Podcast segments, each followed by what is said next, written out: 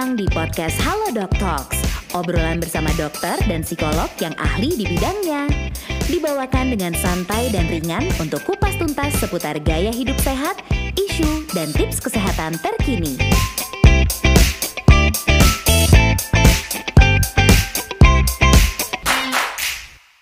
Hai guys, apa kabar hari ini? Kembali lagi bersama dengan saya Anka Tama di Visual Podcast Halo Doc Talks. Hari ini akan ada siapa ya? Penasaran? Aku sendiri dari tadi di perjalanan menuju ke sini nggak sabar karena ada pertanyaan-pertanyaan yang ada di benakku yang sangat ingin ku sampaikan kepada beliau. Nanti aja tapi sebelum itu tentu kalian yang baru aja tune in di podcast Halo Doc Talks ini um, untuk yang baru join penasaran apa aja sih yang dibahas biasanya di Halo Doc Talks kita akan explore pokoknya sampai ke sudut-sudut segala sesuatu yang menarik seputar health and lifestyle bersama dokter yang ahli di bidangnya. Jadi ketika nanti ada pertanyaan, ada komentar atau kalian ingin berpendapat, silahkan drop your comments. Jangan lupa juga boleh menuju ke social medianya Halodoc untuk tahu info-info di episode berikut atau yang uh, lalu-lalu misalnya pengen kalian tonton. Well hari ini um, Anka nggak sendirian, kita akan ngebahas soal kehamilan. Wow, apakah aku sudah siap untuk hamil lagi? C. Nanti itu aku tanyakan ke diriku ya. Namun segala sesuatu yang berkaitan dengan kehamilan akan hari ini Anka obrolin bersama dengan Dr. William Timotius Wahono SPOG. Kita beri tepuk tangan yang paling meriah meskipun hanya virtual. Hai dok, apa kabar? Halo. Aku halo maunya Anka. halo dok. Oh, iya. Pas ya. Dok biasanya bertugas secara virtual ya dok di Ya. Halo Dok karena kan aku tuh apa-apa kalau nanya dokter ya di Halo Dok. Akhirnya aku bertemu dengan dokternya langsung gitu. dok, kapan sih uh, schedule-nya dokter untuk uh, bertugas di Halo Dok? Mungkin boleh di-share ke teman-teman yang lagi nonton, yang lagi dengerin. Halo, halo semuanya. Perkenalkan, saya Dr. William. Saya spesialis kandungan. Mhm. Eh, jadi sudah bergabung di Halodoc cukup lama ya. Dan saat ini saya bertugas untuk menjawab konsultasi di Halodoc dari hari Senin sampai Minggu. Wah. Dari jam 6 sore ya, Mhm. jam 18 sampai jam 9 malam. 18 sampai 21. Senin sampai Minggu tidak ada satu hari pun yang terlewatkan bersama dengan Halo Dok ya Iya, dok. pastinya. Jadi pasti banyak banget yang bertanya-tanya seputar eh, ya kehamilannya gitu, terutama ketika eh, itu mungkin menjadi kehamilan yang pertama. Ya biasanya kan kalau ibu-ibu anak satu gimana coba dok? Aku pengen nanya aja gitu, karena kan dulu aku pernah tuh waktu hamil pertama kali anakku yang pertama. Semua rasanya tuh pengennya ditanya ke dokter, bener gak? Betul, Setuju gak dok? betul, betul Coba dok, ini curahan hati dokter ke ibu-ibu gitu, gimana dok? Iya betul banget. Jadi itu memang kalau kehamilan yang pertama, pertanyaan-pertanyaan yang banyak masuk saya misalnya, dok ini saya benar hamil nggak sih? Oh, gitu itu ya. Pertanyaan pertama Oh, ya. Saya benar hamil nggak sih? Iya, Tanda-tandanya apa dok? Mm-mm, gitu. mm-mm. Saya sudah telat haid nih, tapi kok eh, saya nggak ada flag-flag itu nggak apa-apa ya dok ya? Gitu. Atau Ah, oke. misalnya ada lagi, eh, dok saya ada flag-flag itu nggak apa-apa ya? Jadi ada Oh, flag-flag salah, nggak ada iya. flag-flag salah, Ben- ya. Salah. Jadi itu mungkin adalah semacam apa ya eh, rasa khawatir berlebih Betul. bercampur dengan excitement gitu karena yang namanya pasangan eh, ya apalagi selama eh, pandemi ini ya dok. Iya. Apalagi kalau kita tidak perbanyak produksi begitu ya. Mumpung ada waktu, biasanya mungkin sibuk masing-masing. Akhirnya untuk mencapai sebuah tes yang menunjukkan dua garis biru ada yang berupaya amat sangat, ada yang santai terus tahu-tahu dapat ya. Itu semua semua lagi-lagi kembali ke ya lagi-lagi yang maha kuasa. Tapi kalau akhirnya dua garis biru itu sudah muncul ke permukaan, what's next? Itu dong yang kadang jadi eh, apa ya? Aku nggak bilang ini dilema sih, tapi ibu-ibu tuh yang tadinya aku aja deh, aku tuh salah satu ibu yang cuek gitu ya dok. Tapi giliran dua garis biru, hah ngapain dulu nih gitu kan? Iya. Nah ini yang pengen aku tanyain. Ketika kita sudah mengetahui hasil tes tuh, oke positif hamil gitu ya dok. Apa yang sebenarnya tuh harus kita lakuin first thing first? Oke, jadi kalau misalnya Hamil. hamil gitu ya. Hore gitu dong. Hore. Satu bersyukur pastinya Pasti. ya, pasti bersyukur. Mhm. Lalu yang kedua tetap tenang, jangan Iya. panik. Pasti kan so many questions ya going around your head ya. Bener bener. Mesti ah saya harus ngapain nih? Bener. Habis ini terus lagi pandemi sekarang mesti ngapain nih Itu gitu ya. dia yang menjadi concern. Nah, jadi satu-satu nih, saya udah eh, gampangnya saya suka bilang begini. Nomor Mhm. satu, tahu dulu nih sekarang nih eh, sudah telat haid berapa lama, Ya. ya. Jadi sudah telat haidnya berapa lama? Kalau itu tujuannya adalah untuk memperkirakan sebetulnya usia kehamilan, Oke. ya. Jadi kalau misalnya telat haidnya satu minggu, kurang lebihnya perkiraannya usia kehamilannya lima minggu, Mhm. gitu ya. Nah, lalu jika sudah tahu telat haid, lakukan tes pack. Ya. Kalau tes pack positif, Mhm. maka kemungkinan hamil, ya, kemungkinan besar hamil. Ngaruh nggak sih dok? Maaf banget nih pertanyaan selipan. Kan Ya. biasa kalau kita lihat test pack nih, Ya. garisnya tuh kadang ada yang samar. Betul. Ada yang jelas, ada jelas satu, samar satu. Ada yang dua-duanya samar tapi dua. Nah itu kalau nemu kayak gitu namanya dasar pertama kali test pack. Iya. Hah, apa nih? Nah itu apa dulu tuh dok kalau gitu? Nah, tetap tenang, ya. Lakukan tes pack ulang. ya. Hmm, Nah, tipsnya nih untuk tes pack adalah eh, lakukan tes pack dengan menggunakan urin yang pertama saat bangun pagi. Oke. Jadi Iya. misalnya garisnya samar yang kayak tadi Mbak Anka bilang, samar nih, hamil nggak ya, hamil nggak ya? Tenang aja dulu, mau ulang besok paginya atau mau tunggu satu minggu baru Iya. ulang juga boleh. Oke. Tapi pastikan misalnya baru bangun tidur nih, eh, siapin dari malamnya. Jadi Iya. besok, oke bangun tidur, kencingnya saya tampung, Iya. lalu periksa pakai itu. Oke, boleh boleh tuh itu saran dari dokter. Lalu kemudian dok tadi mungkin belum dilanjutkan Oh, lagi kehamilan ketika lagi pandemi nih. Ya, ya berarti baik lagi ya. Mhm. Jadi eh, banyak juga tuh pertanyaan-pertanyaan yang masuk kalau di konsultasi ya. Jadi Mhm. tadi tujuannya adalah mengetahui kapan telat haidnya. Ya. Sampai bisa memperkirakan Mhm. karena kalau perkiraannya udah telat tiga minggu, berarti kan perkiraan usia kehamilan 7-8 minggu ya. Ya betul. Nah dari situ baru mulai lakukan pemeriksaan. Jadi Mhm. anjurannya adalah melakukan pemeriksaan di usia kehamilan 7-8 minggu. Oke, aku tuh penasaran deh dok protokoler eh, rumah sakit gitu ya, Ya. sama ibu yang sedang hamil tuh jadi ketat banget atau gimana dok? Ya baik, jadi eh, di khususnya di pandemi ya karena. Betul. lagi pandemi. Sebenarnya kita protokolnya sama ya, Mhm. dan kita juga berusaha nggak mau bikin menyusahkan gitu ya Mbak Betul. Anka ya, karena eh, yang kita inginkan itu adalah kehamilan itu adalah sesuatu yang menyenangkan. Iya, hamil tuh bukan sakit. Betul, iya, itu betul. tuh betul. Ke- kehamilan adalah sesuatu yang menyenangkan dan kita we want to make it that way gitu Iya. ya. Mhm. Eh, tapi tentunya kita juga harus tetap melaksanakan protokol-protokolnya. Makanya kalau di rumah Iya. sakit eh, sebenarnya sama aja dengan Mhm. yang lainnya, yaitu tetap eh, pakai masker, ya, jaga jarak, Mhm. Ya. Lalu saya juga suka anjurkan ke pasien saya sebelum kontrol pakailah face shield. Nah itu oke? betul, Lalu yang berikutnya adalah bawa hand sanitizer. itu. Nah ini penting banget nih karena menurut saya saat ini memang saatnya kita harus selalu eh, sudah banyak ya? ya, ya extra extra protection lah. Mhm, Jadi kalau kita udah banyak yang di apa namanya diiklan-iklankan lah ya gitu apa apa kita semprot Iya. ya, jangan pegang sembarangan ya. Habis kita pegang pintu misalnya gagang pintu atau hal-hal yang bisa menyebarkan atau dudukan kursi. Betul, yang dipegang banyak orang deh gitu. Betul, yang dipegang banyak orang. Ya semprot tangannya. Iya, jadi Gitu. harus ya memang kehamilan akan tetap menyenangkan Betul. jika itu ada di mindset kalian sih ya untuk bumil, untuk uh, soon to be moms gitu ya bisa tetap you still can enjoy it kalau tentu tetap uh, ya ekstranya tapi ekstra yang santai aja Betul. gitu ya, jangan kemudian semuanya ditakutin karena itu nanti psikis psikis ke si jabang Yes, bayi betul, juga betul. gitu, jangan sampai stres lah Betul. gitu ya. Nah ini mungkin yang juga uh, per- dialami pertama kali sama ibu yang sedang hamil ya dok. Setelah kalau lagi hamil tuh sebenarnya fase yang dilewati itu apa aja sih gitu. Mereka mungkin selama ini cuma lihat di sosial media di Instagram. Oh Ya. tri trimester 1, trimester 2 itu fase-fasenya boleh diceritain secara singkat nggak dok? Baik. Mhm. Baik, jadi sebenarnya pada umumnya kehamilan itu ada tiga fase ya Mbak Oke, Anka, mhm. yaitu di trimester 1, Iya. trimester 2, dan trimester 3. Mhm. Trimester 1 ini fase yang sangat penting ya. Biasanya merupakan fase yang sedikit berjuang Iya. ya, menikmati kehamilannya kalau Mhm. kata saya karena biasanya di trimester 1 ada perubahan-perubahan yang badan kita baru menyesuaikan. Betul. Contohnya mual, mulai rasa pegal-pegal, Hmm. ada sedikit mood swing ya. Ah, Bahkan banyak, banyak ya? Bahkan banyak. curah hati ya? Iya. ya?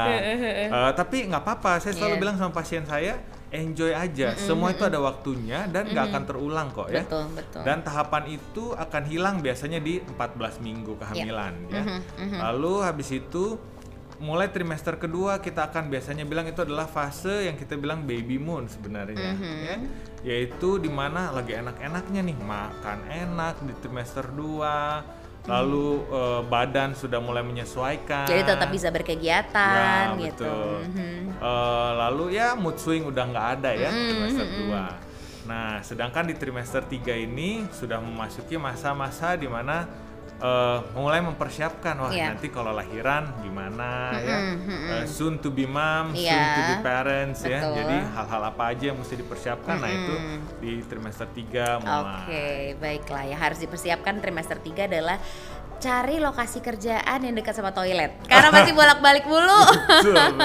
Babynya udah dorong mulu soalnya ke arah Iya. bawah kan. Kalau misalnya posisinya memang sudah seperti yang diharuskan kalau mau normal gitu. Itu biasanya wah bolak-balik, buang air kecil, Iya. terus sama ya udah pasti tidur dengan nyaman ya. Betul, Tapi lagi-lagi artinya kalian akan semakin dekat lagi sama yang kalian tunggu-tunggu. Jadi it's okay, enjoy aja, nikmatin. Lalu dok, ini kan kondisi lagi pandemi gitu ya. Ketika ya namanya seorang ibu tuh pasti pengennya ketemu sama anaknya. Betul. Sedangkan ketika bertemu dengan anak itu kan yang harus di- yang bisa dilakukan ketika anak masih di kandungan ngelakuin pengecekan. Ya. Nah pengecekan itu sebenarnya tuh berkala tuh dianjurkannya tuh berapa berapa period sekali sih kalau lagi kondisi kayak gini gitu. Baik. Mhm. Jadi eh, idealnya nih Mbak Anka, pengecekan itu harusnya waktu usia 0 sampai 7 bulan, Mhm. itu setiap bulan gitu Oke. ya. Lalu mulai 7 sampai 9 bulan atau 28 sampai 36 minggu itu harusnya setiap 2 minggu. Ya, Oke. harus sudah Lebih makin pendek. Mm-mm, mm-mm. Lalu di atas 36 minggu itu harusnya setiap minggu. Iya. Namun, namun ini sudah banyak uh, panduan-panduan yang dikeluarkan ya, termasuk dari perhimpunan dokter-dokter obgyn di Indonesia juga, bahwa kita bisa sedikit menjarangkan, Oke. namun kita harus tetap uh, tetap rutin, Mhm. rutin karena kita harus memantau bahwa perkembangan kehamilannya baik, kondisi ibunya baik, kondisi janinnya juga baik. Nah itu berapa lama tuh? Jadi seperti tadi yang saya bilang pengecekan awal kita Oke. lakukan di kurang lebih 7-8 minggu Mhm. ya. Lalu setelah itu pengecekan kedua dilakukan di antara 10 sampai 16 minggu. Oke. Jadi penting sekali untuk moms ini juga mulai tahu usia-usia kehamilannya ya. Mhm. Lalu habis itu 10 sampai 16 minggu dilanjutkan di 18 sampai 20 minggu. Mm. Jadi pengecekan pertama nih, habis Iya. itu kurang lebih satu setengah bulan, jadi agak mundur ya. Mhm. Habis itu kurang lebih satu setengah bulan berikutnya lagi, Ah, ya oke. gampangnya. Jadi itu kurang lebihnya Mhm. 18 sampai 20 minggu untuk kita screening, adakah kelainan Iya, gitu ya. betul. Lalu dilakukan lagi di Nah, ini agak jauh jaraknya. Selama tidak ada keluhan, kalau sudah dilakukan di 20 minggu, nanti lakukan lagi di 28 minggu, di 7 Oh, bulan. gitu. Ya, dia agak jauh jauh. iya, iya, Karena iya. memang kita sengaja untuk mengurangi paparan ibu hamil. Tapi Itu, dengan catatan betul. Mhm. Tidak boleh ada keluhan. Kalau ada keluhan, Harus, jangan tetap. khawatir, Iya. datang pakai protokol kita periksa karena itu pasti lebih aman Iya. dibandingkan diam di rumah. gitu Betul, ya. lebih aman untuk amit-amit ada sesuatu hal yang Ya. harus lebih diperhatikan untuk si jabang bayi, jadi bisa lebih ditindak atau mungkin bisa dicari solusinya gitu. Jadi jangan takut juga ya dok ya, Betul. maksudnya memang kalau ada concern-concern tertentu nggak masalah gitu. Betul. Toh protokol dari misalnya rumah sakit, protokol kesehatan yang berlaku itu udah sangat mendukung eh, ya lingkungannya akan nanti ibu-ibu datangi kok gitu. Nah, Oke, lalu, lalu dok? tadi setelah 28, habis itu kita menjadi sebulan-sebulan sekali Ah. Mbak Anka. 32, 36 sampai Ya. 40 minggu. Ah gitu, oke. Yang penting untuk diingat adalah Mhm. perhatikanlah pada saat kontrol itu Mhm. dari awal, diskusikan dengan dokternya eh, atau dari awal sorry, cari tempat yang aman untuk kontrol ya. Iya betul. Jadi selama pandemi ini misalnya eh, ke klinik karena kita pikir pasti paparannya lebih sedikit ya. betul. Paparan jumlah pasien yang datang ke Mhm. klinik pasti lebih sedikit. Iya. Tapi tentu tetap perhatikan kalau di kliniknya itu pakai protokol nggak sih? Mhm. Itu ada nggak sih pengecekan suhunya Iya. ya? Terus petugasnya sendiri menyediakan hand sanitizer nggak? Mm-mm, mm-mm. Di dalam kliniknya sendiri sekarang kita biasanya pakai eh, apa namanya APD, air purifier, iya, air purifier, ya. betul. Ah, dan petugasnya tadi termasuk dokternya Iya, pakai APD nggak gitu APD. kita justru kalau nggak pakai APD ini apa mengikuti ya gitu iya jangan betul sampai betul. gitu Jadi ya. harus ada beberapa checklist juga lah Betul, gitu. betul. Semoga tetap lancar ya untuk bumil-bumil di tengah pandemi gitu. Semoga kalian memang benar-benar dikuatkan lahir batin gitu dan harus ketemunya sama dokter William memang kayaknya menenangkan ngomongnya. Nanti aku mau tanya ah, prakteknya di mana gitu. Nah lalu dok kemudian eh, selama lagi em, ya masa kehamilan gitu sampai nanti melahirkan itu kan pasti ada beberapa hal yang harus banget diperhatiin gitu sama bumil-bumil lah gitu. Apa mungkin aku akan bertanya soal kayak do's eh, and don'ts-nya gitu kali ya dari fase hamil sampai melahirkan menurut dokter gimana? baik be- pertanyaan-pertanyaan yang banyak sih misalnya makanan ya gampangnya ya kalau saya tuh jarang melarang bumil jangan makan ini jangan makan itu ya Mantap. santai aja santai tadi saya bilang ya per kehamilan itu adalah sesuatu yang menyenangkan jadi Mm-hmm. Benar. keep it that way Iya, ya iya. prinsipnya selalu untuk makanan bersih dan matang Mm-hmm. selama kehamilan apa pun jenisnya nggak Mm-hmm. apa-apa bersih matang sorry satu lagi jumlahnya secukupnya Nah, itu benar. Ya. jadi contohnya nih ada yang nanya dok saya pengen banget nih makan durian gitu. Iya, waktu aku aku makan durian loh by the way guys, Iya. and I'm good. ya istri saya juga makan Iya durian waktu kan? dan Gimana dong? gede lahirnya bagus ya. Iya, jadi yang penting jumlahnya secukupnya.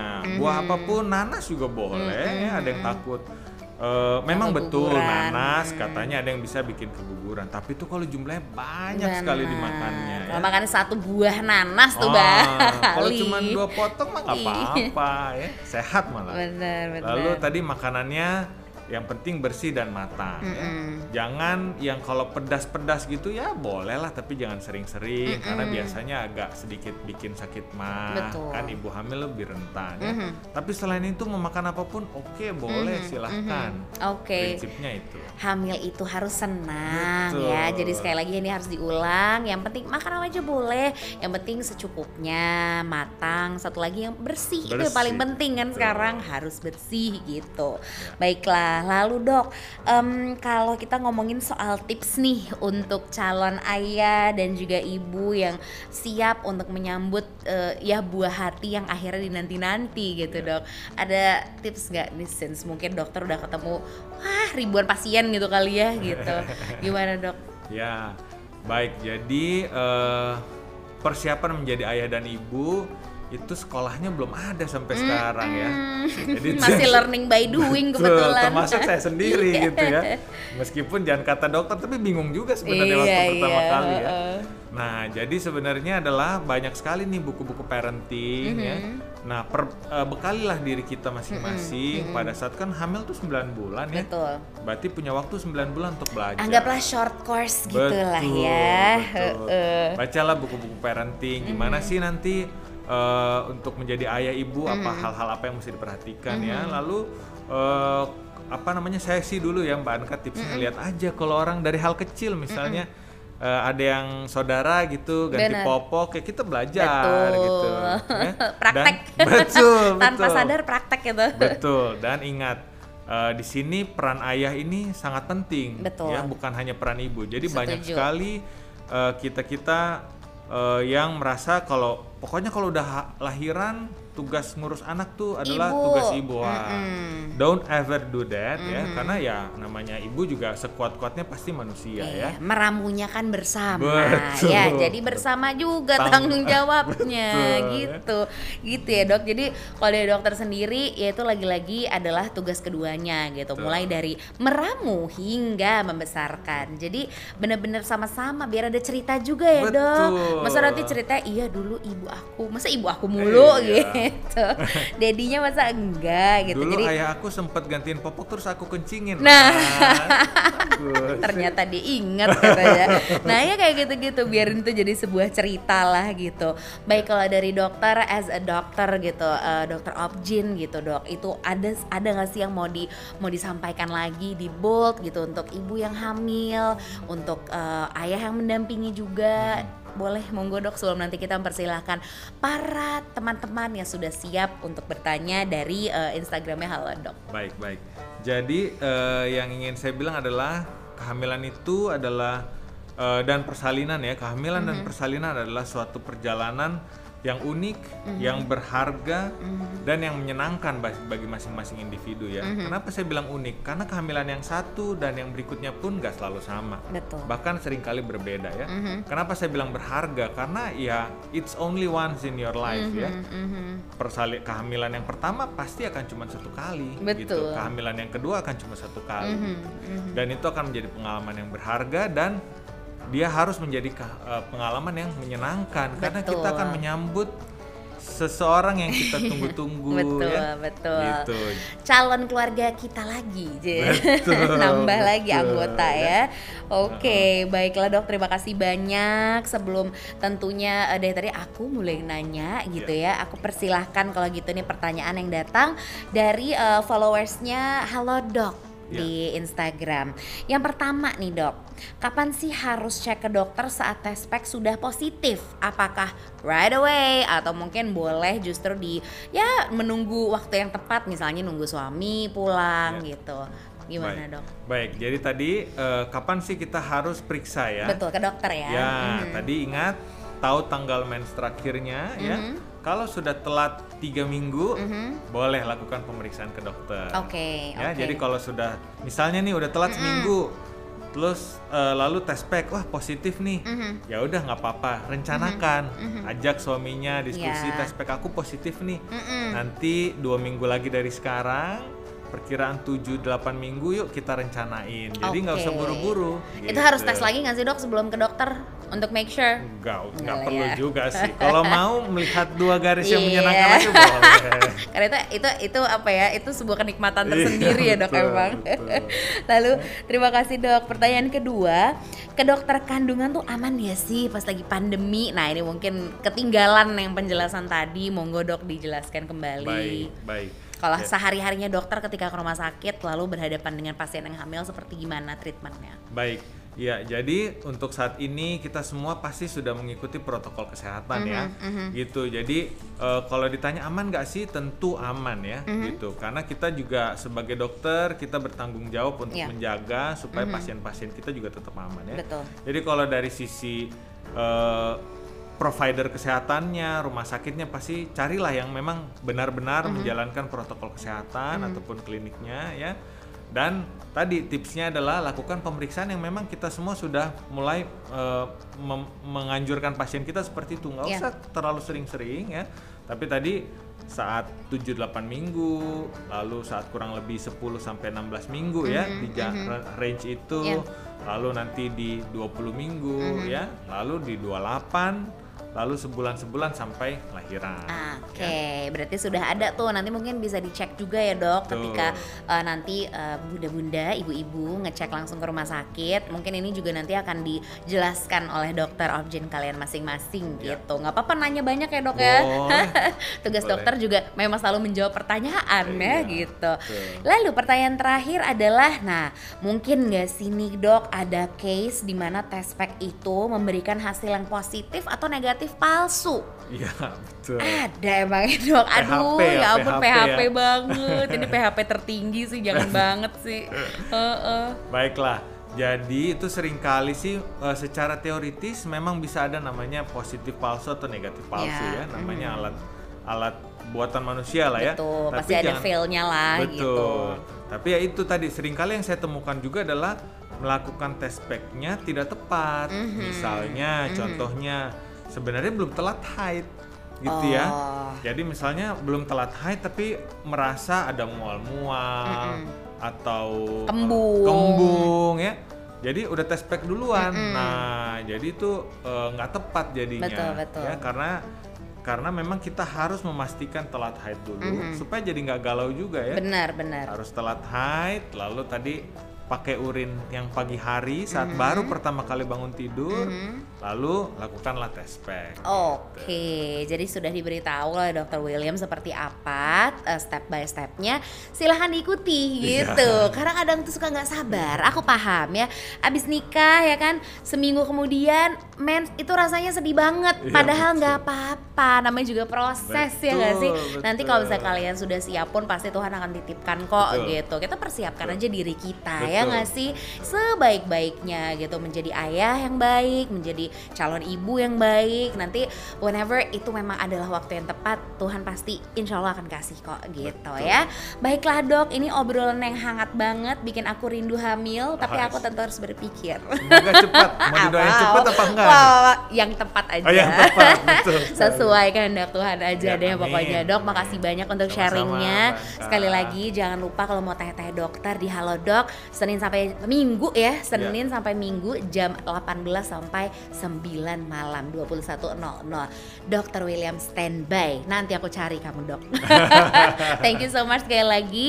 Jangan lupa juga untuk mantengin terus visual podcast Halo Doc Talks dengan beragam episode-episode dengan topik-topik yang sangat menarik. Kita akan membahas seputar health and lifestyle bersama dengan dokter-dokter yang expert di bidangnya. Oke, so I'll see you in the next episode of Halo Doc Talks. Dan kata Ma pamit undur diri. Thank you dok. Terima kasih. Dadah Bye. semuanya. Sehat selalu. Amin. Hanya di Halodoc